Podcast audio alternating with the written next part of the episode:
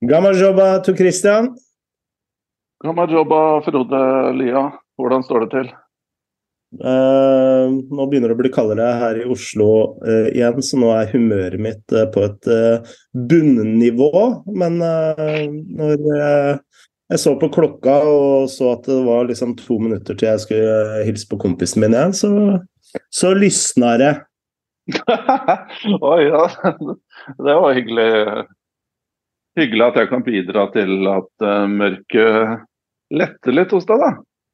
Jeg kommer akkurat inn fra den fine balkongen. Ikke den jeg har posta på Twitter med for de få følgerne som så den, men uh, jeg hadde jo en uh, Bare apropos det, da, jeg hadde jo en balkong her i Aten. Jeg måtte flytte til et annet sted. og da ble jeg lovt Akro, Akropolis-utsikt fra balkongen. og du, du, kan bare se Akropolis så vidt mellom et par sånne litt slitte bygninger der. Men nå er jeg tilbake på det stedet jeg var tidligere, som er kjempefint. Og der har jeg ikke bare bedre utsikt, men jeg har en fantastisk balkong.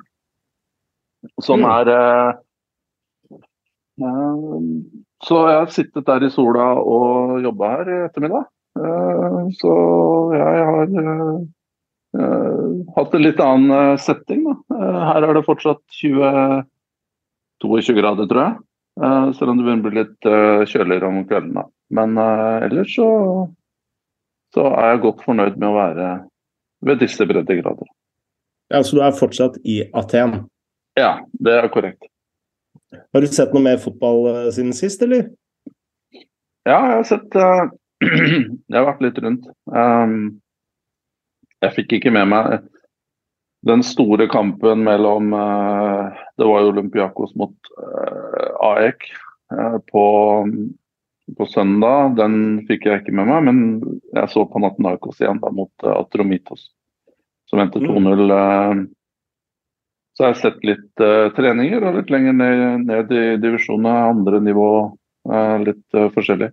Jeg må, må bare kommentere én ting at eh, vi kom til skade for å kalle Eller jeg, da. Jeg skal ikke dele den skylda her med noen. Eh, jeg kom til skade for å kalle mellom eh, Olympiakos og eller Panathinaikos og Olympiakos for Aten Derby. Og det var en som var ganske fly forbanna på Twitter og poengterte at det ikke er riktig. fordi Olympiakos er jo fra Pireus, som er en by i seg selv, som har på en måte blitt smeltet sammen med med, med Aten da, i de senere århundre, kanskje. Jeg vet ikke hvor langt tilbake det går. Men uh, for meg så var det uh, Folk har jo gått her og snakka om derby, derby, derby, derby. Og da på en måte ble det for min del Aten-derby. Og Pireus er jo bare en liksom, ikke altfor lang uh, joggetur ned langs mot, mot havna her. Så det er liksom litt vanskelig. Det er ikke Oslo og, og Lillestrøm, da, for å si det på den måten. Det er mye tettere enn det. Men rett skal nå være rett. Ja. Jeg har jo sett litt fotball eh, siden sist òg, eh, og jeg gjorde opptelling med kona mi søndagskveld at jeg hadde sett 52 kamper i helgen. Ja, men det går vel, får du vel ikke til sånn Da ser du fem minutter her og fire minutter der og to skjermer og drøvstyrer, det teller jo ikke. Nei, det handler om at jeg har vært med barnelagene i Kristiane ah, klubb på turnering.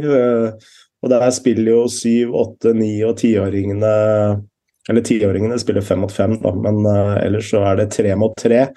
Ti minutter. Så jeg var i Greihallen fra ti, nei, ni til fire på lørdag og ni til fire på søndag. Uh, ja. Og da blir du ganske ør i, ør i uh, hodet etterpå. Ja, Spesielt når du kommer hjem til kona etterpå. det har vært min kone. Håper du ikke hører på. Nei, er, jeg skal ikke forestille meg at uh, kona di hører på, på oss.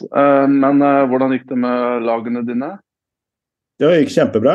Alle hadde det vanvittig gøy og ja, en super, eh, super turnering innendørs i den nye, fine hallen uh, i, uh, i rett over Kalbakken. mellom Kalbakken og Ammerud. Så nå har jo Groruddalen også fått sin egen hall, innendørshall. Så det var helt nydelig å spille innendørs. Er det, full, er det også full, full, lengde på den, den hallen, eller? Er det mulig ja, den har full, full lengde på. Og Grei har jo et kvinnelag som nå rykka opp til førstedivisjon. Og uh, de hadde vel et A-lag som rykka ned uh, fra tredjedivisjon, hvis jeg ikke husker helt uh, feil. Men uh, ja, det er mye som skjer Grei og Groruddalen for øvrig. nå har du jo Grorud, og du har Grei. og du har jo Årvoll som også går litt sånn opp og ned i fjerde tredjedivisjon. Og jeg tenker eh, ja, det ser litt lysere ut for fotballen på, på, Oslo øst enn det de gjorde for bare to-tre år siden. Så det er bra. Absolutt. Det, vi trenger flere av både haller og fasiliteter og, og sånne ting. Så, mm. Men du har, uh, vi har fått noen spørsmål, og det er noen Eh, topics nå som kanskje ikke er så lett å komme unna? Ja, kanskje begynne med det, eh, det største. Styrmann, uh, Akka Christian Holum, han uh, spør snakk gjerne om Cronaldo, tre år, som kaster lekene sine ut av vognen. Uh, og det han sikter til, er jo selvsagt uh, dette intervjuet med Pierce Morgan, hvor uh, Pierce Morgan nå sier at uh, det var Christ, Cristiano Ronaldo som kontakta ham for å gjøre et intervju, og dette er vel et rent bestillingsverk for å komme seg ut av kontrakten til Manchester United. Og ja, eller er det det? Vi kan kanskje starte der, til Christian? Man kan vel ikke tolke det på noen annen måte at dette er en brekkstang for å komme seg ut av kontrakten? Um, det de vet, men det, det jeg er spesielt altså Vi har jo sett uh, Dette er jo tried and tested, og vi har snakka om det tidligere her på podkasten nå.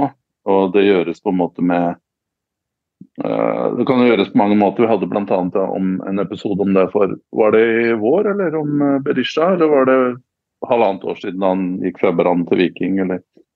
Eh, mm. Da gikk vi, jo, gikk vi, jo, ganske mye i dybden på det. Um, selv om Norge er jo kanskje en litt annen litt annen realitet da enn en, en av verdens største fotballspillere gjennom alle tider. I hvert fall på banen. Ehm, men det jeg bare undrer over, er egentlig om det var, om det var nødvendig. Uh, altså, man har jo sett ting allerede tidligere i sesongen med Det har vært ganger da han ikke var vel en gang han ikke ønska å komme innpå som innbytter. Og på en måte dårlig kroppsspråk og en og det andre. og jeg, jeg, jeg, trodde kanskje at allerede nå så var det Og ja, han ble jo også dem, eh, demotert ned til um, å trene med U23-laget osv. Jeg ville jo trodd at det var nok til at mm. alle parter forsto at her må vi finne en løsning. og Det er ikke verken i Manchester United eller i, i Cristiano Ronaldos um, interesse å, å, å, trekke dette lenger ut. Um, og i januar så skilles partene seg. og på, Frem til et visst punkt her i høst så kunne jo dette her ha blitt løst. Jeg håper å si Man kunne ha skilt uh, Ja, gått, uh, gått forskjellige veier som venner, og ikke på en måte at det eskalerer opp i dette her. Men det punktet er jo langt forbi. og jeg er jo jeg, jeg syns jo at det er veldig spesielt at Cristiano Ronaldo, som har en kjærlighetshistorie med Manchester United.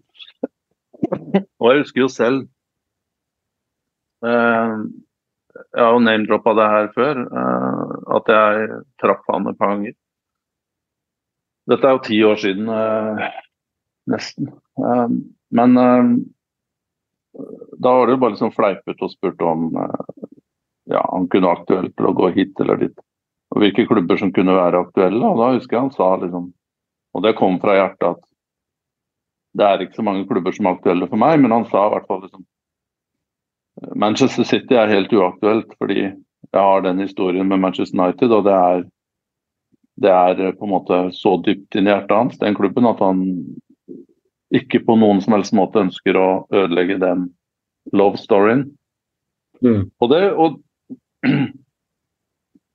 for meg som satt side ved side ved han, så så jeg jo på en måte hvor, hvor entusiastisk han ble når han snakka om Manchester United. Da.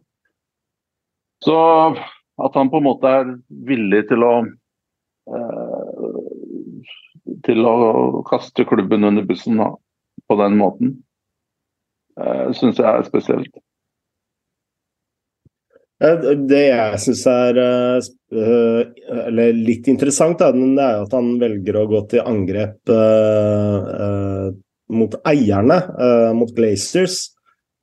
Som han sier ikke bryr seg om klubben og har ikke utvikla klubben. Og, og, sier på mange måter at Manchester Uniteds Uh, nedadgående spiral skyldes uh, Glazers. Og det jeg tenker på, hvis det er sånn at uh, dette ikke er et forsøk på, på, å komme seg ut av kontrakten, at de faktisk har vært enige lenge om at han skal avslutte nå i januar, så, så, vil man jo tro og trekke den slutningen at dette handler om hans ettermæle. da. At det er Uh, som uh, åpenbart uh, ikke ser ut til å fungere, men at han prøver å legge skylda for hele situasjonen på andre enn seg selv, og vil diktere na narrativet. Og spille på sympati hos fansen ved å dra fram barnet sitt og, og hele det narrativet der, da. Uh, hva tenker du om det? Timingen her er jo forbausende, da. For det, den type betraktninger kunne han jo komme ut med etter han eventuelt hadde gått fra Manchester United. Eh, han, eller en, eh, I en bok eller en eh, Eller altså Jeg tror hvis han hadde oppført seg bra og vært lojal mot laget og klubben og kommet inn som innbytter og bidratt og vist en god holdning, så hadde jo, hadde jo alle takka av eh, Cristiano Ronaldo med stor fanfare siste kampen. Han ville jo fått nesten sånn testimonial allerede den kampen han, som blir den siste. Mm. Eh, og, og så kan du adressere disse tingene Eh, så, så, jeg mener jo det hadde ikke, altså Folk ville jo ha respektert Han hadde en veldig god sesong i fjor. Skårte, ble klubbens toppskårer. Var, var eh, absolutt toneangivende. OK, eh, kanskje alderen begynner å hente ham igjen, da, som det gjør med absolutt alle. Men eh, altså, problemet hans i år har jo ikke OK, sportslig har ikke vært topp, men det handler kanskje også om motivasjon. Og det var jo mye rart der i sommer Eh, og uttalelser eh, i den ene og andre retning. Og, og han forsto nok sikkert også at Ten Hag ikke var den type trener som på en måte skulle ekstra, extract det siste på en måte energidråpen ut av Cristiano Ronaldo sin karriere. Det, det, den matchen der så vi jo med en gang at den ikke var eh, optimal. Mm. Og det, det forsto vel også Cristiano. Eh, og så har, har, det gått eh, som det har gått. Men jeg, jeg vil jo spekulere i at dette handler om, om uh, som du starta med, Frode, at det handler om å komme best mulig ut av det økonomisk. Uh, han har jo en kjempekontrakt i Manchester United, og den løper vel halvannet år til, eller hva det er. Mm. Uh, og det er klart, det, det, det handler om her, er jo det er jo penger, og hva slags sluttpakke han skal få. Stor, det er jo ingen som betaler titalls millioner euro eller pund for en spiller som er 37 år, og som ikke er per nå og ikke kommer til å bli nyttig for Manchester United. Det er jo sånn overgangssummer er på en måte, det er jo supply and demand, det ja.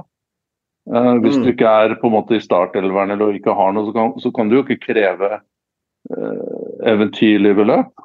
Um, mm.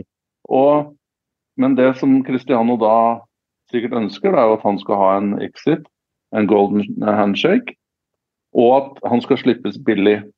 Sånn at mesteparten av det som kommer fra en annen klubb, går til han og ny kontrakt. Og det tror jeg allerede var eh, på agendaen. altså at Det scenarioet der allerede lå, lå litt sånn lå klart i et forsøk på å løse det allerede i august. Men så lot det seg ikke gjøre.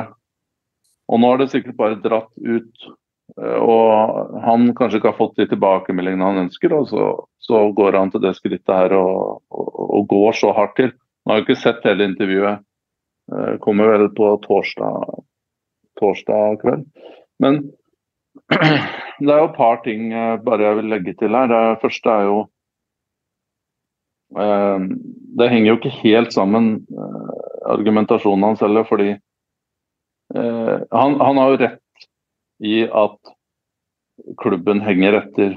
Um, og det er jo beviselig med tanke på resultatene og med tanke på hvis man ser hvordan andre store europeiske klubber som Manchester United burde måle seg med. Ikke bare måle seg med, burde være foran. Hvordan de jobber med tanke på ja, altså det på kommersielle er Manchester United verdensmestere. altså Det er jo ingen som måler seg der med dem. Men på det andre så ser du jo bare se på hvilken type manager de har henta. Eh, og, og spillerekruttering som har vært veldig sånn impulsiv. Uh, og Hvis man sammenligner det da med naboen eller med Liverpool, som det ikke går så bra med de to klubbene akkurat nå, uh, så, så, så, er jo beviselig Manchester United henger jo etter. Men her kommer poenget mitt. det er at Her fikk jo Cristiano på en måte en mulighet til å bli med på den re revolusjonen som klubben er i gang med under Ten Hag. Eh, for det, det har jo sagt hele tiden at eh, strukturen burde vært litt annerledes i Manchester United. Og hovedtrener bør fortsatt ikke belastes med absolutt alt. Selv om han har, Ten Hag har også folk der til å hjelpe han. Men, men det som Ten Hag har på en måte er i gang med, da, det er å modernisere klubben. Både hva gjelder spillestil og metodikk og arbeids... Eh, eh, måten man, man, jobber på. Og her kunne jo Cristiano vært med på, på den eh, reisa der. Og han som tydeligvis har så stor eh, Så klare og interessante ideer om hvordan en moderne klubb skal fremstå, så hadde han jo sikkert muligheten her til å, til å påvirke det. Eh, men det, liksom, det, virker ikke som at det er noe prioritet. Jeg tipper at han går på Glazers, det er nok eh, Det kan jo være smart trekk hvis det, intensjonen er å få, få løsna dette her. Eh, og få det tilbudet han ønsker til å reise. Mm. Eh, så er det jo, det er jo som du også var inne på i tidligere Manchester United-podkaster, at ting begynner jo ofte å skje når eh, presidenter og eiere og styrer og sånt kommer under kritikk. Eh, og, mm. Så det, det, er jo litt samme her. Men det siste poenget mitt det er at jeg er jo det mest skuffende og i det hele her det er jo at han går til Piers Morgan. og, og Piers Morgan, som er den største, største tufsen i medieverden. Eh, som nesten ikke ordet. Eh, men eh, OK. Det Ja. Ja, jeg vil bare legge til én uh, ting som jeg uh, syns er Altså Når du velger å, å gå til Pierce Morgan og ja, jeg, jeg, føler ikke så veldig tillit, da, hvis jeg kan si det litt så forsiktig, forsiktig til alt det Cristiano Ronaldo du, sier.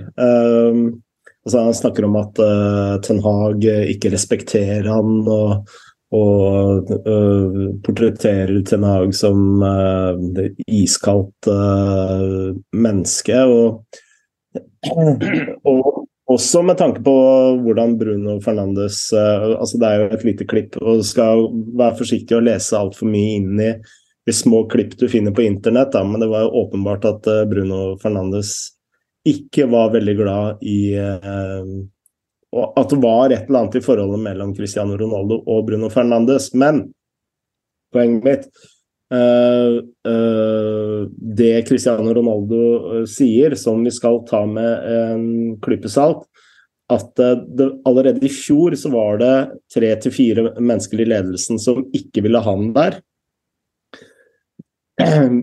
Hvis vi legger det til grunn at det, det, det stemmer, da, så viser det også uh, hvor, uh, hvor, dårlig struktur det er i Manchester United, hvor uh, da Glazers er, er, liksom trumfer gjennom en overgang som Cristiano Ronaldo, da.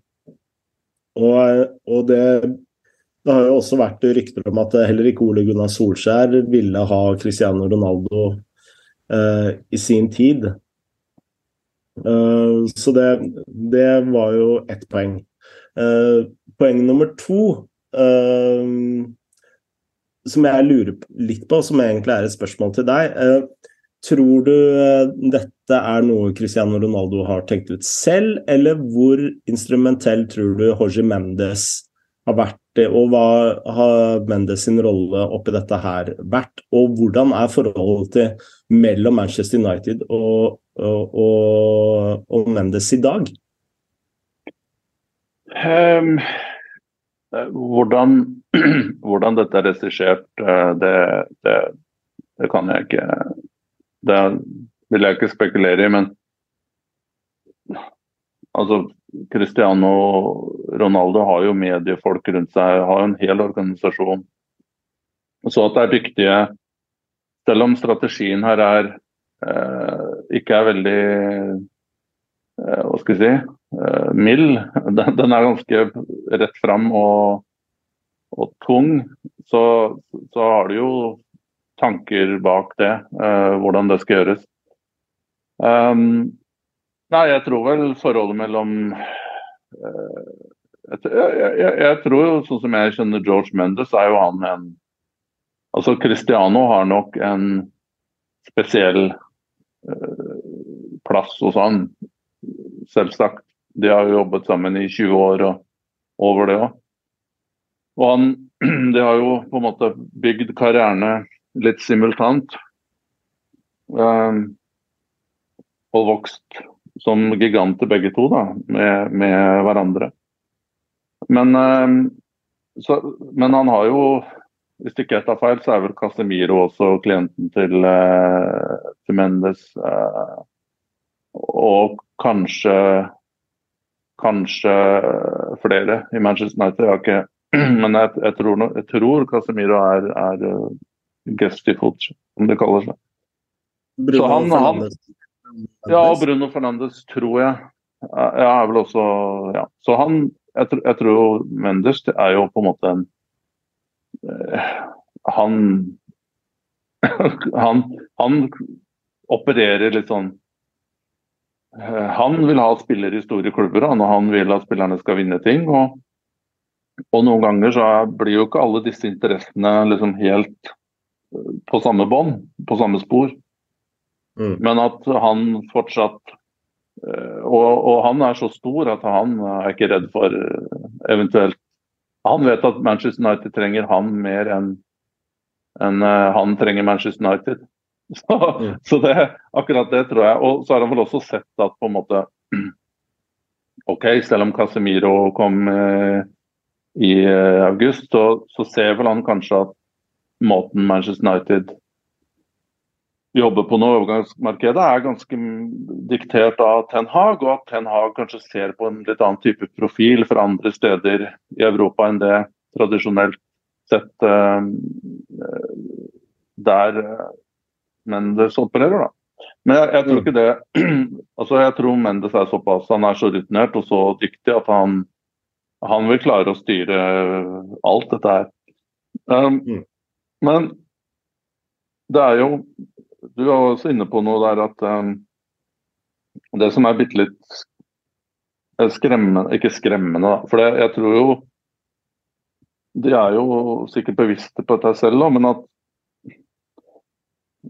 det, det, sier jo mye om på en måte hvor eh, spesielt tilstanden er i lederskapet til Manchester United Hun spiller spiller og går på den måten som, som man gjør. Eh, at ikke dette her blir Og at det får lov å dra så langt til at han går til det skrittet der, da. Um, men eh, oppi det hele her så, så, så, så er det jo vi, de fleste av oss så jo dette her komme. Og jeg tror Manchester United gjør det riktig her ved å, ved å for første gang på siden Ferguson, uh, sir Alex uh, i hvert fall ga seg som, som, manager, så tør man å ta valg som er mye mer dristige og fremtidsretta enn det som man har gjort tidligere. Mm. Men det er jo Ten Hag som må kjøre den prosessen der i, i størst grad, da, virker det som. Um, så blir det blir spennende å se hvor, hvor det bærer hen. da. Mm. Det ryktes nå at uh, Jorge Mendes har vært i møte med Bayern München-styret i dag. Så uh, ellers så uh, skrives det også om Chelsea, men at Graham Potter ikke vil ha Cristiano Ronaldo. Så ja, det er ikke så mange klubber igjen. Nei, og Bayern, Bayern München har jeg ikke noe tro på. De, de, jobber med helt andre prinsipper. Og, og skal Cristiano komme til Nagelsmann, liksom en trener på 35 år Cristiano er jo en trener som må ha Han må spille under litt sånn fars Altså Han må bli verdisatt, han må bli pampered litt, og han må ha en spesiell posisjon. Og måten man spiller på Bayern, som sagt med en ung trener som tenker mye mer på det kollektive. Tenker på mm. samhandling eh, fremover. altså det, det, Spillerne skal være dynamiske og, og, og og, og hurtig og skal være gode presspillere osv. Det der det ser jeg ikke på som. Og Bayern har heller ikke behov for å gi Cristiano en svanesang pga. kommersielle inntektene eventuelt skulle bringe inn. De, de har nok med det allerede store mm. oppsiden de allerede har på kommersielle. De, de trenger ikke han til å booste det. Um, Chelsea var jo var vi inne på også i, i, i sommer at det var nok en fristelse for uh, nye eieren. Og, på en måte, og, og, det ble vel også påstått da, fra ganske respektable medier at, at de nye eierne hadde pusha på for å, for å, å få Cristiano Ronaldo, og Tuchel hadde sa nei. Men det er jo sånn typisk trofésignering som eiere som bryr seg mer om på en måte profilering av klubben, kommersielle inntekter på overskrifter, enn hvordan man setter sammen et lag, eller dynamikken, hva slags påvirkning det vil ha på, på spillergruppa osv. Og, så videre, og på, på, på, det taktiske. da. Mm. Jeg, jeg, tror ikke nå når det andre, du, du kan jo ikke hive Ronaldo ut til Graham Potter. Det, det, han har aldri jobba med den type spillere. Han har, han har helt sikkert mer enn nok med i fanget med det han har fått uh, nå. Mm. Uh, jeg tenker jo det er bare noen, noen få options. Det er eh, kanskje PSG, da, men da må jo Messi bort. de kan jo ikke spille i samme klubb. Men PSG har jo på en måte profilen til å tenke Eller de kan være tilbøyelige til å tenke på den måten. Mm. Uh, og de skal på en måte OK, det er en superstjerneledig, kom med han. Um, samtidig som at Louis Campos er jo nært sportsdirektør i PSG, er jo nært uh, nær uh, assosiert med, med Mendes. Ja, men uh, igjen, så lenge Messi er der, kan ikke jeg se at det, det kan gå. Men jeg tenker jo options da er jo MLS. Uh, det virker jo helt krystallklart for meg at det er dit han skal. MLS? Både MLS, både sportslig, kommersielt. Og du kan også gå til MLS. altså Han kan jo spille der i tre-fire år til. Uh, og, og, og, bli toppskårer hvert år. Uh, samtidig som at du kommer litt du, Uten at Cristiano nødvendigvis bryr seg så mye om det, da, men du kommer deg enklere unna med å reise til USA enn å hente penger fra fra Gulfen. Det er jo annen, en annen opsjon å spille i Emiratene eller i, i, eh, i uh, Qatar. Da. mm. Men det er liksom, da, er jo, da har du jo lagt opp i praksis. Og da spiller du fotball i fem-seks måneder av året og går og dasser resten. Og det er jo liksom det, det, er jo ikke sånn han vil ha det. og det er kanskje ene wildcardet, da, men det, jeg tror ikke det er aktuelt heller for Cristiano å gå til Tyrkia. Men det er jo på en måte, i Tyrkia så kunne du på en måte fått det til økonomisk. De finner jo alltid penger selv, sånn ja. hinsidesbeløp, så finner de jo de pengene hvis det kommer en sånn type spiller. Så at tyrkiske, enten Galatasaray eller Fenerbahçe, som har blitt nevnt her, at de kan være lystne på noe sånt, det, det tror jeg nok er eh, absolutt uh, mulig. Men der er det jo også en uh, valutakrise i tillegg. Uh, så det kommer vel til å spille inn det òg? Ja, det tror jeg har stabilisert seg litt nå siste halvåret. Uh, og de, Galatasaray gjorde jo noe De sprengte jo banken heftig i sommer med Icardi og Mertens og osv. Så, videre. så det virker ikke som at det bekymrer. Det er visst bra med dollar i i, i kassene der. Så, så, det kunne de nok få til. Men det spørs om Cristiano, som er så hva skal jeg si, image og brand eh, opptatt, det vil, det vil, jo på en måte Som kun har spilt for toppklubber. Store, fantastiske liksom, verdensklubber. Så det å ende opp liksom tredjeplass med Fenerbahçe Med all respekt, og det er en kjempekul klubb, men det vil jo på en måte smusse til CV-en litt, da. Men mm. MLS smusser jo ikke til noen CV.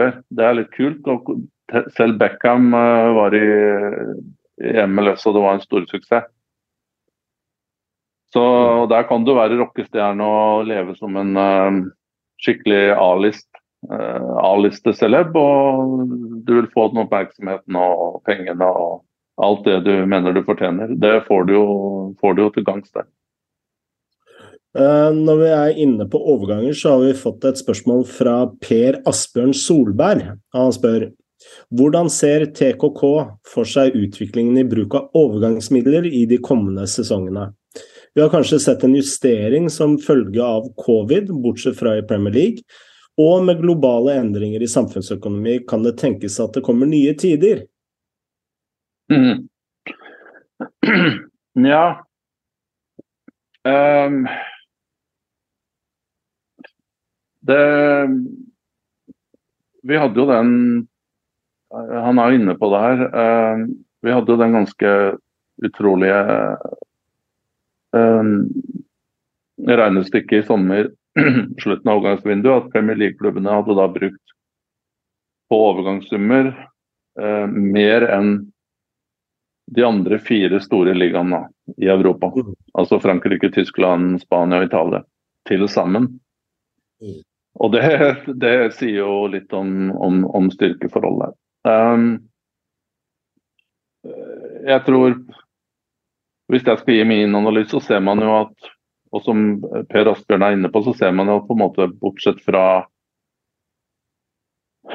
PSG, Real Madrid, Barcelona gjennom sin litt sånn uh, uklare driftsmodell, så er det jo liten appetitt for å bruke veldig store summer. Um, og at nivået da har kommet på en måte median spending er, er, lavere enn den har vært tidligere. Og det er jo heller ingen tvil om at Premier League kom bedre ut av covid Eh, pandemisluket enn en, en andre klubber gjør. Økonomien der er mye mer robust. og Der har vi også snakka om i tidligere episoder hvorfor eh, Premier League kommersielt er så langt foran, foran andre. Eh, det var vel dagen etter overgangsvinduet stengte hvor vi hadde en ganske lang eh, prat om det. Uh, det, det, store skillet da, som jeg plukker opp, og det har vel pågått en stund, kanskje spesielt de fire-fem siste årene, men det har nok også tilspisset seg ganske heftig etter pandemien. Det er at eh, man er Investeringsviljen er der, men uh, det er unge spillere som man skal bruke penger på. Altså, mm. man man, man, man, skal ha talent og man skal ha eh, spillere med videresalgspotensial. Eh, og det ser man at flere og flere store klubber, selv store klubber, da, uh, på en måte tweaker, tweaker strategien i den retninga. Milan er jo et godt eksempel, som også har klart å gjennomføre en sånn type strategi med suksess. Um, men um, Nei, det er jo Det er jo på en måte hva skal jeg si, litt uh, bekymrende at sånn mid-table-klubber i England nå utkonkurrerer store klubber fra Europa da, på, på lønn. Mm. Eh, og på, på overgangssummer. Men det henger jo sammen med medieinntektene og andre, andre, kommersielle inntekter. Og samtidig som, som eh, mange andre faktorer, bl.a. Eh, investorer som har trukket seg ut. Eh, Italia. Uh, økonomisk krise som generell økonomisk krise som stikker dypere på Ok, den, stikker, den stikker dypt nok i England nå, det er ikke det jeg sier. Men de reddes da som sagt av et produkt som er så som er så mye mer robust enn en disse andre, andre ligaene. Men eh, tror du eh, det vil være dyrere å være en Premier League-klubb også etter brexit? Hvor eh, det blir et mye større press på de britiske spillerne? Ja, vi, vi, vi, så noen eksempler på det i, i starten, tror jeg, like etter brexit. At man så noen spillere som gikk eh, gikk internt i, i, i, Premier League for ganske høye summer. Mm. Men eh, det virker ikke som at det er de, de spillerne som blir targeta nå uansett, og som koster i størrelsesorden fra 20 millioner pund og oppover, de, de kvalifiserer jo uansett til arbeidstillatelse. Så det er vel mer på sånne talentprosjekter yngre spillere eh, som man kanskje eh, tidligere henta i hopetall. Da. Spesielt eh, Chelsea holdt på på den måten, eh, og med flere. Eh, det, det, der har det kanskje stoppa litt. Eh, men jeg tror ikke det er negativt. Og, det, og, det, og, fotball er jo en Hvis man zoomer enda lenger ut her, så kan man jo også tenke at Eller konstatere at fotball er ekstremt populært, og det kommer fram spillere hele tiden. Og jeg føler også bare sånn Dette er helt uh, kun fra anekdotisk uh, magefølelseinntrykk. Jeg føler på en måte at det er flere spillere, veldig veldig gode fotballspillere i omløp nå enn det var tidligere. Så på en måte det, um, jeg tror litt på grunn av at klubbene jobber bedre, de har bedre trenere, bedre trenerutdannelse, spillere. Med en annen mentalitet. Uh, bedre mentalitet. Um, lærevillige spillere. Jeg tror igjen da, medium-nivået på spillere er høyere nå enn det var, enn det var tidligere. Og da spiller det ikke så veldig stor rolle om Ja, OK, det er et problem at kremen, de absolutt beste, havner i to-tre klubber i England, eller i Real Madrid eller PSG eller øh, kanskje Barcelona, da. Um, men, eller Bayern München. Men jeg tror uansett det er, det er mer enn nok uh, det, er, det, er, flere enn nok klubber med, der, man, der spillere vokser. Uh, til at uh, forskjellen blir ikke så fryktelig stor da, til slutt. Jeg vet ikke om jeg på en måte forklarte det på de tankene her på en veldig god måte. For det, poenget mitt er vel at det, det, er så mange andre ting som også skal klaffe før enn bare å kunne kjøpe dyrt. Ja, det gir deg en veldig stor fordel, selvsagt. Og spesielt når du da er på toppen, som f.eks. Manchester City og Real Madrid, som kan bare kjøpe og plukke de beste til hver tid. Men er du smart og jobber du bra og har en godt organisert klubb, eh, godt miljø, eh, så, så, kan du også bli en fantastisk god fotballspiller på nivå under og, og klare deg bra der og få masse spilletid og utvikle deg. Og være med på underholdningsrike, suksessrike lag. Det, mm. så jeg syns kanskje den, den krisa er litt sånn Hvis det blir enda skeivere, og det varer på en måte Vi drar det enda lenger inn mot 2025-2026, så er det klart at dette her kan bli skjevt til slutt, og at Premier League vil få en enorm stor eh, stor fordel. Men man ser jo allikevel også da, at Premier League-klubbene må jo også betale mer for spillerne. Fordi alle vet at de har penger og de vet at de har garantert disse 100 millioner pluss pund per, per, år og eh, sesong, og de har rike eiere. Så det, og da skal du også treffe med alle disse kjøpene. Mm. Jeg kom og tenkte på uh, Jeg så Premier League um, eller de kampene jeg fikk sett i helgen. da. Uh, så bl.a. Newcastle-Chelsea. Uh, og da tenkte jeg og nå er vi vitne til et uh, rollebytte i Premier League, hvor Newcastle blir liksom en av toppklubbene, hvor Chelsea er, er, i ferd med å falle, falle fra. og Manchester United-Tottenham fortsatt store spørsmålstegn. Eh, så det er et interessant uh, rollebytte som starter med økonomi, da. Ja. Um, jeg, jeg, vil jo ikke på en måte fastslå allerede at Newcastle er, er klar for å, å, kjempe om tittelen i det hele tatt Champions League. Selv om de ligger på tredjeplass og har vinner omtrent hver kamp nå. Um, ja, Det var bare en sånn tanke jeg gjorde ja. meg når jeg så Newcastle-Chelsea, hvor jeg, eh, satt med en følelse at Newcastle var eh, hakk Altså ikke bare ett hakk bedre enn Chelsea, men uh, mye, mye, friskere da, å, å, se på.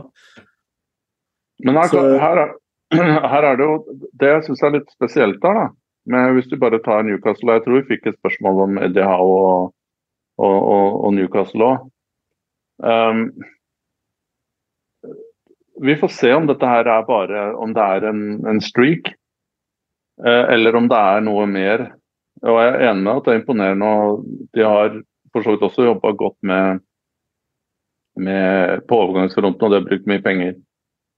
Um, og, og, vært veldig targetet i hva de trenger. De har skaffa en god keeper og god midtstopper. Uh, fått uh, midtstoppersituasjonen til å funke. Bruno Gimaraj kjempesignering. Og så har de også fått mye mer ut av andre spillere som var mer sånn average-spillere. Um, om det Almiron og Willoch og, og så videre. Uh, men er dette her sustainable? altså uh, Jeg er jo Jeg vet ikke. Um, jeg har ikke noe godt svar på det. Altså, det er jo helt klart at, at det har klart å sette et bra lag her, og kollektivt fungerer veldig godt. Og Så får man se hva om Chelsea, hvis du, bare hvis du fortsetter med de to, så er det Har du gjort Har du bomma med Graham Potter? Eh, var det riktig mann til feil jobb? Mm. Helt annet eh, Helt andre forutsetninger, helt annen trenestil som kreves i, i Chelsea enn, enn i, i, i Brighton. Mm. Um, og at de andre på en måte er litt sånn Det kan jo være noen tilfeldigheter òg, i faktum at Liverpool by own admission er i en transition-periode. Det er Manchester United òg. Tottenham er umulig å bli kloke på. Så at det var stemning og at det var frodig mark akkurat på å si, toppen der, i topp seks, at det skulle inn et litt overraskelseslag, det er ikke så rart. og det er klart at Men jeg hadde forventa at det, hvis Newcastle skal på en måte bite, bite, seg fast der, at de skal bli en skikkelig utfordrer til, eh, til disse store kanonene, så hadde jeg ville jo ikke trodd at det skulle skje så fort.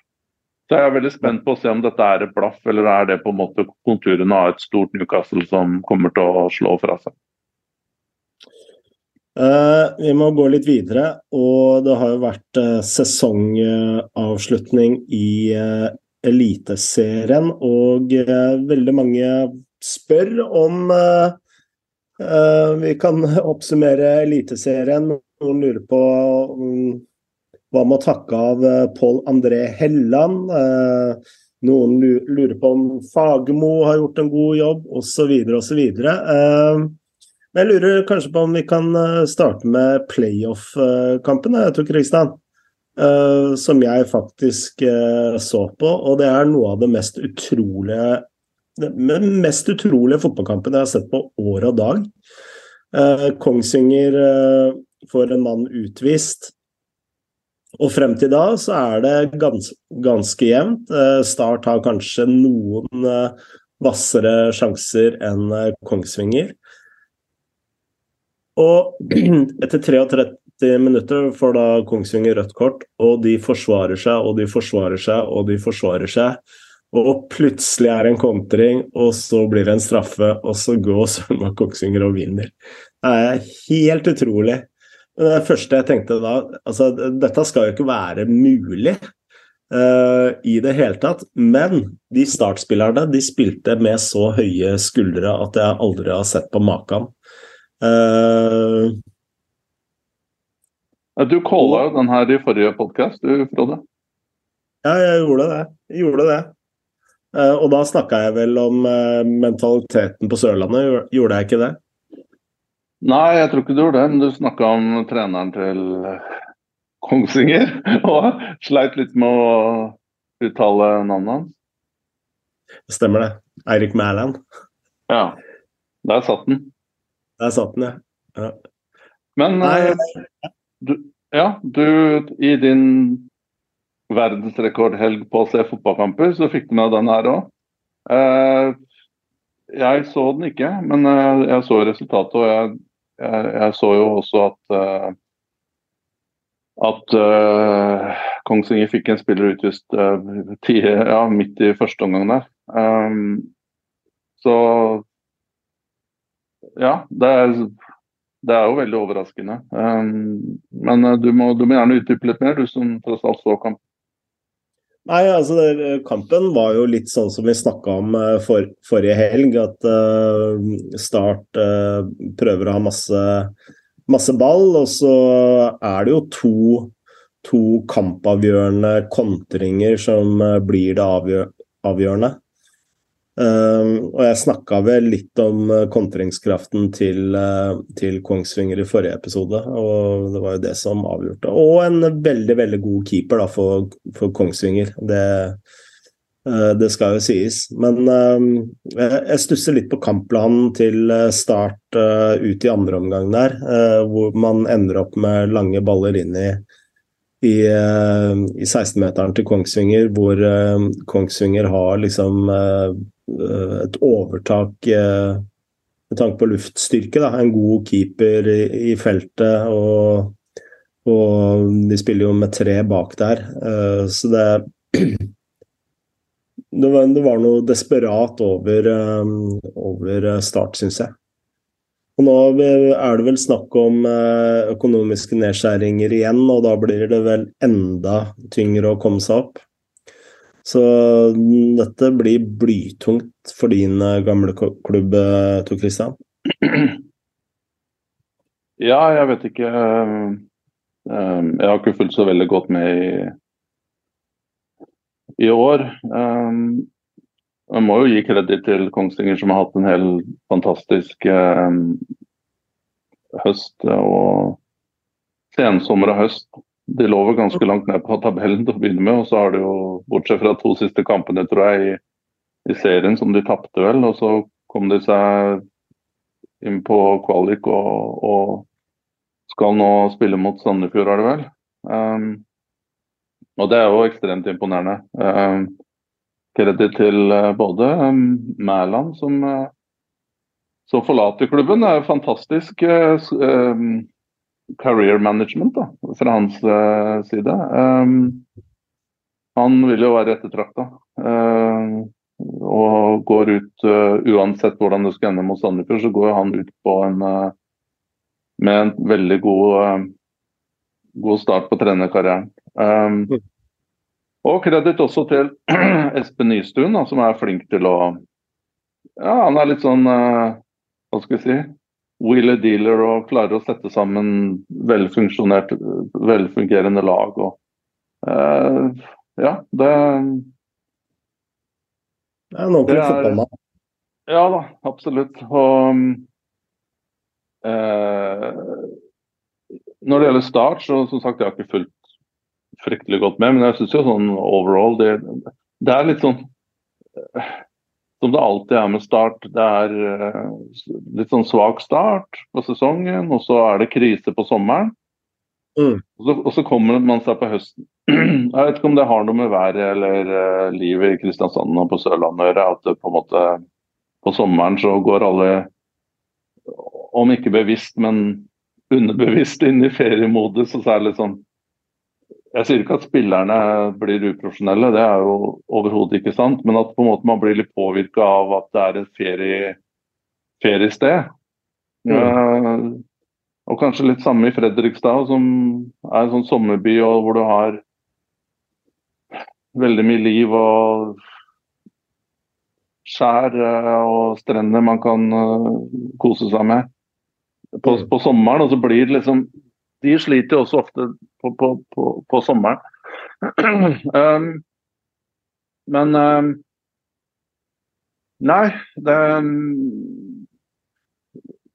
Det var jo Den sesongen her er jo litt den samme som i 19 da vi rykka på Åråsen her. At du hadde et lag som bare løp fullstendig unna med, med Obos, og det var jo Ålesund. Mm. Uh, med Lars Bohinen i det året der. Og det, det var umulig å, å hente igjen.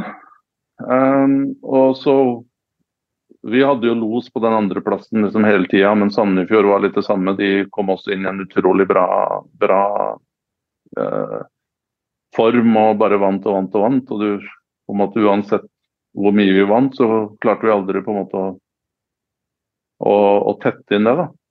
Um, jeg lurer på om vi endte opp på 62 eller 63, som er vanligvis opprykk. Um, men jeg tenker jo for Start så har det jo Jeg tror det er veldig viktig at uh, de, de kom seg opp på tredjeplass der. Um, og jeg har jo ikke inntrykk av at uh, Nå er det kanskje noen spillere i den troppen der som ønsker å spille på, på et høyere nivå. Um, Markovic gikk jo før sesongen. Uh, de mista Brunes, uh, Braut Brunes til godset midt i sesongen. Mm. Men det er jo et ganske ungt lag. Um, og nå må man jo bare Nå må man jo bare Ja, resultatene er jo Nå har jo Kjelmeland vært der i halvannet år, og det er jo fremgang å spore. Uh, som sagt, et ungt lag. De har forlenga kontraktene så jeg nå med, med, flere sentrale spillere som kommer til å være med neste år. Så jeg har ikke inntrykk av at det må kuttes uh, Eller det vet jeg ingenting om, men jeg har jo inntrykk av at det er en stall som den er sånn som den skal være hvis du skal rykke opp fra, fra Obos. Så, så, nå vil jeg jo tro at ja, nå må de jo bare jobbe videre og, og, og bygge på det som man har skapt i, i, i 2022.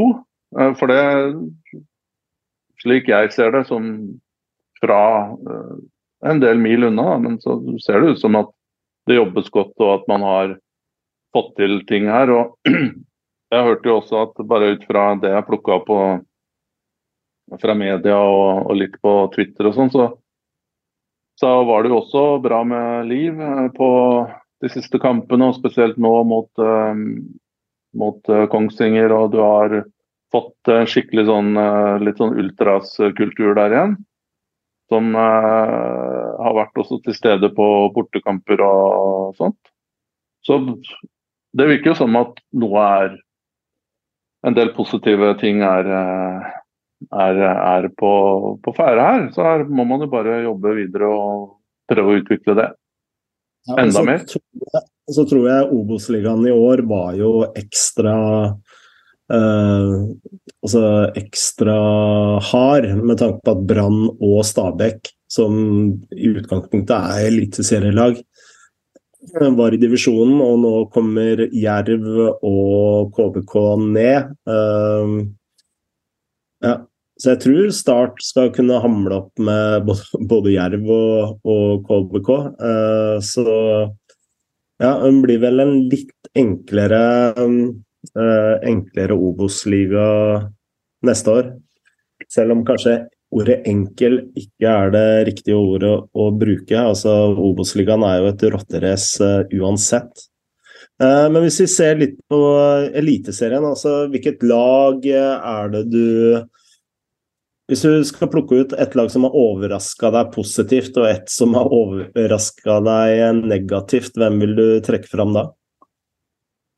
Um, det er sånn det ble til slutt, da.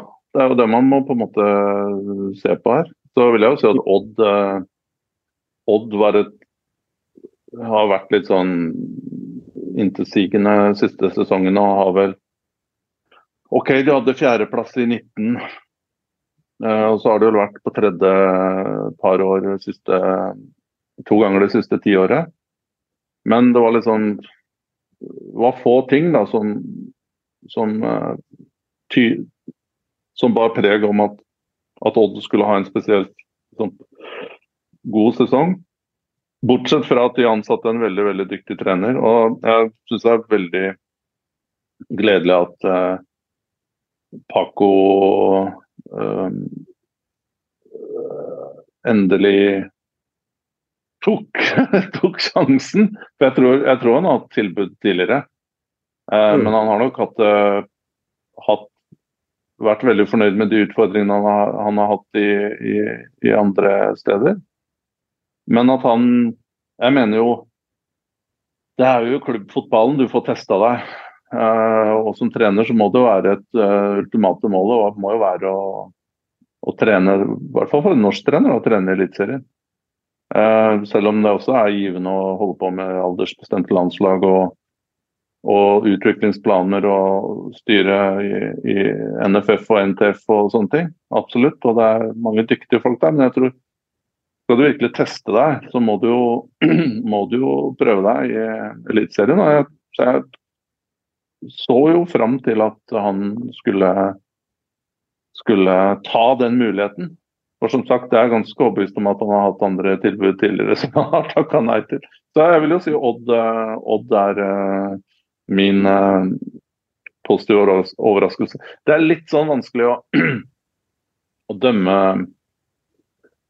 midten på tabellen, for det er mellom fem og tolv der, så er det jo på en måte liksom sju lag som er med noen mer eller mindre god, dårlig streak, så er det jo kan du nesten bytte, de, bytte en del av de plasseringene der. Men negative så tenker jeg jo Viking som, som starta bra. Um, men Og det var veldig stor entusiasme i, i, i Stavanger. og at ja, de har jo hatt suksess de siste årene. Etter opprykket der kom på tredjeplass. Uh, femte og sjette årene før det etter, etter opprykket igjen. Vunnet cupfinale. Og så har det ebba litt ut, da. Å ende på 11., det er jo skuffende, fordi Viking Der følte jeg at det var momentum og eh, at det var noe som på en måte kunne true topplagene. Men det er klart, igjen, du mister jo toppskårer midt i sesongen. og Vi var også innom det på sommeren da Berisha gikk. at Eh, det er, det er, ikke så enkelt å finne en, eh, en, spiller som kan garantere deg ti mål ut sesongen midt, midt, på sommeren. Det er absolutt alle er ute og ser etter den, eh, den spilleren der. Jeg hadde jo Viking på tredjeplass på mitt tabelltips, da. Så, men det var jo med Berisha. Ja, nettopp. Og de mista jo, de mista jo flere. Um, til Brønnby og som det alltid gjør. Så det er klart, det her gjør jo, kompromitterer jo sesongen. Pluss at de hadde e-cupspill der midt, midt, midt, på sommeren også, som andre mm. lag takler bedre eh, eller verre. Det, altså, det, det, kan ha en negativ faktor med all den reisinga og, og tett kampprogram. Men uh, det, hvilke lag har du pekt deg ut? Nei, Jeg syns jo uh, seriegull til Molde er jo bare altså en ren maktdemonstrasjon. Og, og jeg er veldig, veldig imponert over Erling Moe sine grep før sesongen, hvor han uh, endra både formasjon og blei mye mer direkte. Uh, og blei mye mer tydelig. Altså det, I fjor så spilte de jo mer likt Bodø-Glimt og var veldig avhengig av Eikrem som, uh, som en slags playmaker. Uh, og i år så har de endra litt og har jo vært helt bunnsolide. Å liksom ta 78 poeng, det er jo helt vanvittig. 25 seire og ja, da blir det vel eh, fem uavgjorte tap, liksom. Det er jo ingenting.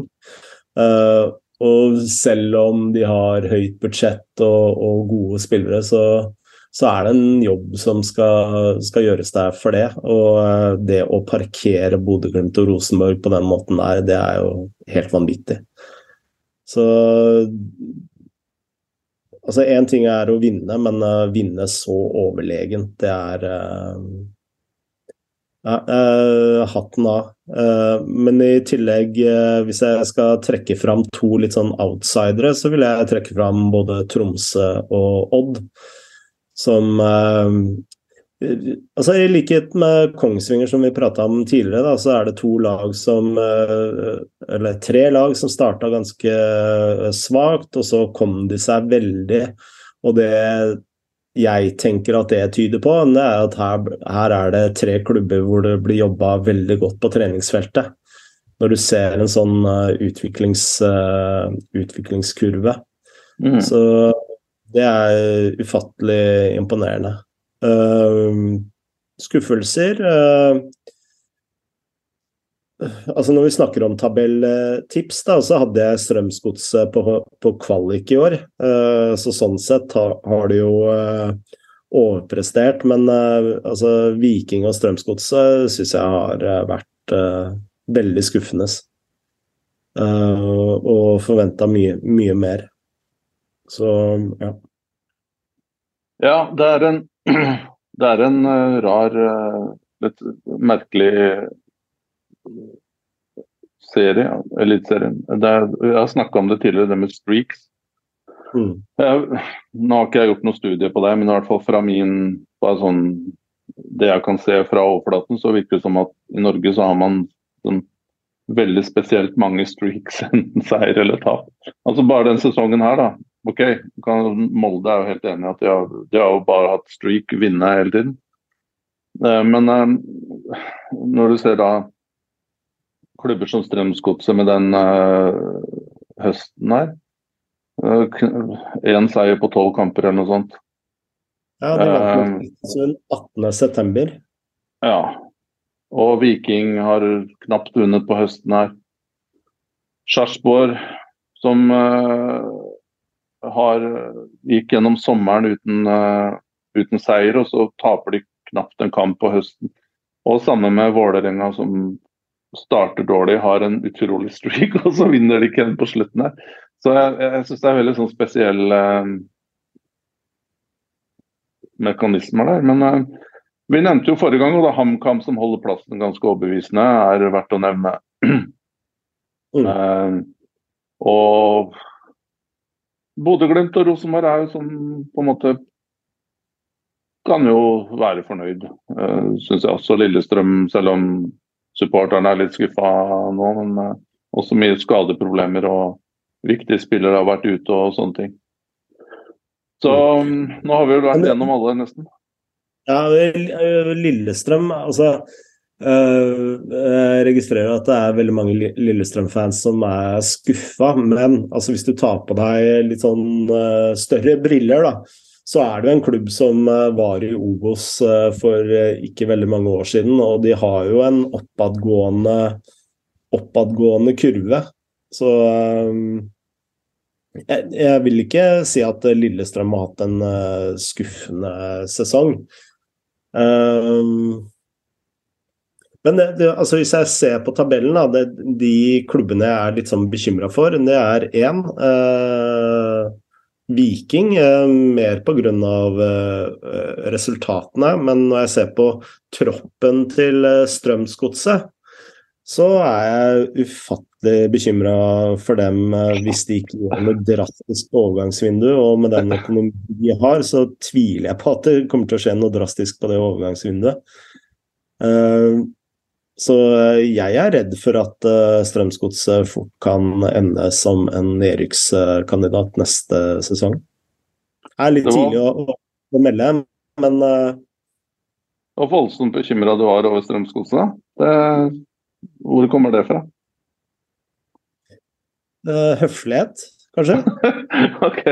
Ja. Nei, før det. Uh, nei, det er også et lag som er uh, en klubb som har vært i, i og er kanskje i rød sone. Vi snakka vel litt om det for noen episoder siden.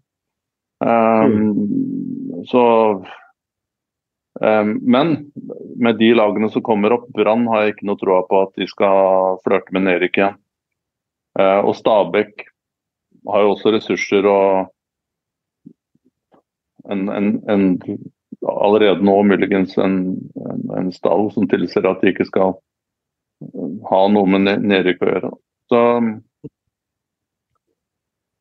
ja. Det Hva skal man si? Um, det er uh, Dette er igjen, da. Eh, to, to uker siden, to episoder siden så snakka vi litt om seriesystem og antall lag. og skal, skal, gå inn på det igjen. Eller jeg skal gå inn på det igjen, men veldig kort. Og det er jo litt av den tabellen som Pga. at det er 16 lag, da, så blir det liksom det blir en litt sånn intensivende eh, liga til slutt, hvor det klumper seg veldig på midten. og er, Jeg tror selv det er vanskelig ettertid å analysere hva, hvor, hvor, står de forskjellige lagene. For det er så liten margin da, mellom som jeg sier, kanskje, du, kan jo si Strømsgodset til Vålerenga, så er det elleve eh, poeng. Altså fra sjette til tolvte. Og det er, mm. kan jo være noe stolpeskudd og noe en spiller som har gått hit eller dit og truffet på én signering eller ikke, som gjør at du ender opp med å slå litt terning da, mellom hvilke av de lagene som ender på de plassene der. Mm. Så jeg tror vi kan også overanalysere. da, altså, Det kan bli sånn at ja, vi hadde en god høst og nå funker alt. ja, men kanskje det heller var at lufta hadde gått litt ut av mange av motstanderne, og de hadde ikke noe mer å spille for, og da plukka du enkle poeng. Um, og f.eks. Strømsgodset, som har hatt en svak høst, men som uh, sikkert ganske tidlig forsto at ja, det er jo ikke sånn at man på en måte tenker på den måten, men de fleste ville jo ikke ha trodd at de skulle, etter en god start, skulle melde seg på i kampen om europaplasser. Og da er det ikke Og så ser man også at man har Ja, man sanka 30 poeng ganske tidlig. Og da er man i praksis redda, da. Mm. Uh, og i år så hadde du jo klart det med 24 poeng. Uh, og, og, det er sju poeng da mellom HamKam og Sandefjord. Og, igjen, da. Det er, det er jeg, jeg, har ikke mange Det er ikke mange som er på min side her, men jeg syns ikke det er en spesielt fengende liga når det blir på den måten der. Det er i hvert fall min take. Uh, før vi avslutter, uh, skal vi kåre en uh, årets spiller, eller, i Norge? Det er litt vanskelig for meg som har sett så få kamper. Men du, du, får Du får du får i hvert fall Du, du sitter klar med noe her, skjønner jeg. Så du, får, du har lista klar. Ja. Ja, altså jeg har litt Altså jeg syns jo Tenkseth har vært en åpenbaring i Eliteserien. Og selv med veldig få, få kamper spilt, så har jo han som ja, årets spiller i Eliteserien med Vetlesen som en Eh, god nummer to eller eh, delt førsteplass, men eh, hvis jeg skal trekke fram året Og nå er vi jo inne på subjektivitet, da, så vil jeg faktisk gå til Obos-ligaen for å finne årets beste, eller årets mest givende spiller å se på, iallfall. Og da vil jeg gå til Stabæk og Orban Gift, som jeg gleder meg til å se, i Eliteserien neste år. Maken til eh, Der har du spiller, som de sier på Romerike. Ja. Nei, jeg registrerte Gift, eller? Kanskje ikke gift? Han er nigerianer, eh, så vidt jeg har fått med. Ja, eh, det er vel en Atta, Atta Aneke-spiller? Atta-gutt? Ja, ja jeg jeg har ikke sett så mye av han, men jeg, bare, jeg, har jo registrert at han har vært eh, veldig frisk. Eh. Men jeg ser jo Pellegrino som også runaway eh, toppskårer. Eh, ja, og, og, og, jeg bare litt sånn tenker eh, Er det nå, nå, er det jo ikke noe på en måte Nå er kanskje toget der gått, da, men jeg bare tenker sånn på spisskompetanse. da, Selv om han er 32 år og sånn. så Han har jo den derre utrolige evnen til å pinge mål fra, som innoverkant der. Og det er jo nesten sånn at uh, en sånn spiller kunne vært grei å ha med en landslagstropp hvis du sliter mot uh, uh, Ja, men det er jo klart. Alderen er jo et element her, da, men det er helt vanvittig prestasjon. Og, og Fofana da, i tillegg som som det jeg har sett både i Eliteserien og, og eh, Europa, har vært uh, utrolig Nå begynner vi virkelig å se hva slags talent som bor i den spillet. Når du sier det på den måten der, så fremstår jeg som tidenes uh, fotballhipster med Orban Gift som årets spiller. Men uh, ja, han har uh, gitt meg mye glede i årets sesong, det må jeg bare si. Men du har jo vært fotballhipster siden før fotball ble hipster. Er riktig. Og jeg gikk med Patagonia-flis før Wall Street. Så, ja. Sånn er det å gå foran, eh, TK. Ja, det er en ensom eh, vei lenge. Og som ekte hipster, når eh, det blir for mange som følger deg, da finner du på noe annet. Ja, det er, det er litt som rødvin. vi var først på Georgia. Nå nå er det jo ikke en uh, georgisk rødvin å få kjøpt uh, på polet lenger. Alt er utsolgt. Så, ja, og nå, og nå, reiser til og med norske landslaget til Georgia i mars eller når det er. Så vi får ikke ha det landet der i fred heller. Nei, jeg lurer på om vi må avrunde her, Tor Christian? Ja, jeg har ikke noen motsetninger, jeg. Vi har holdt på lenge nok, sikkert. Da sier vi som vi alltid sier her i Sjevatse, gama joba!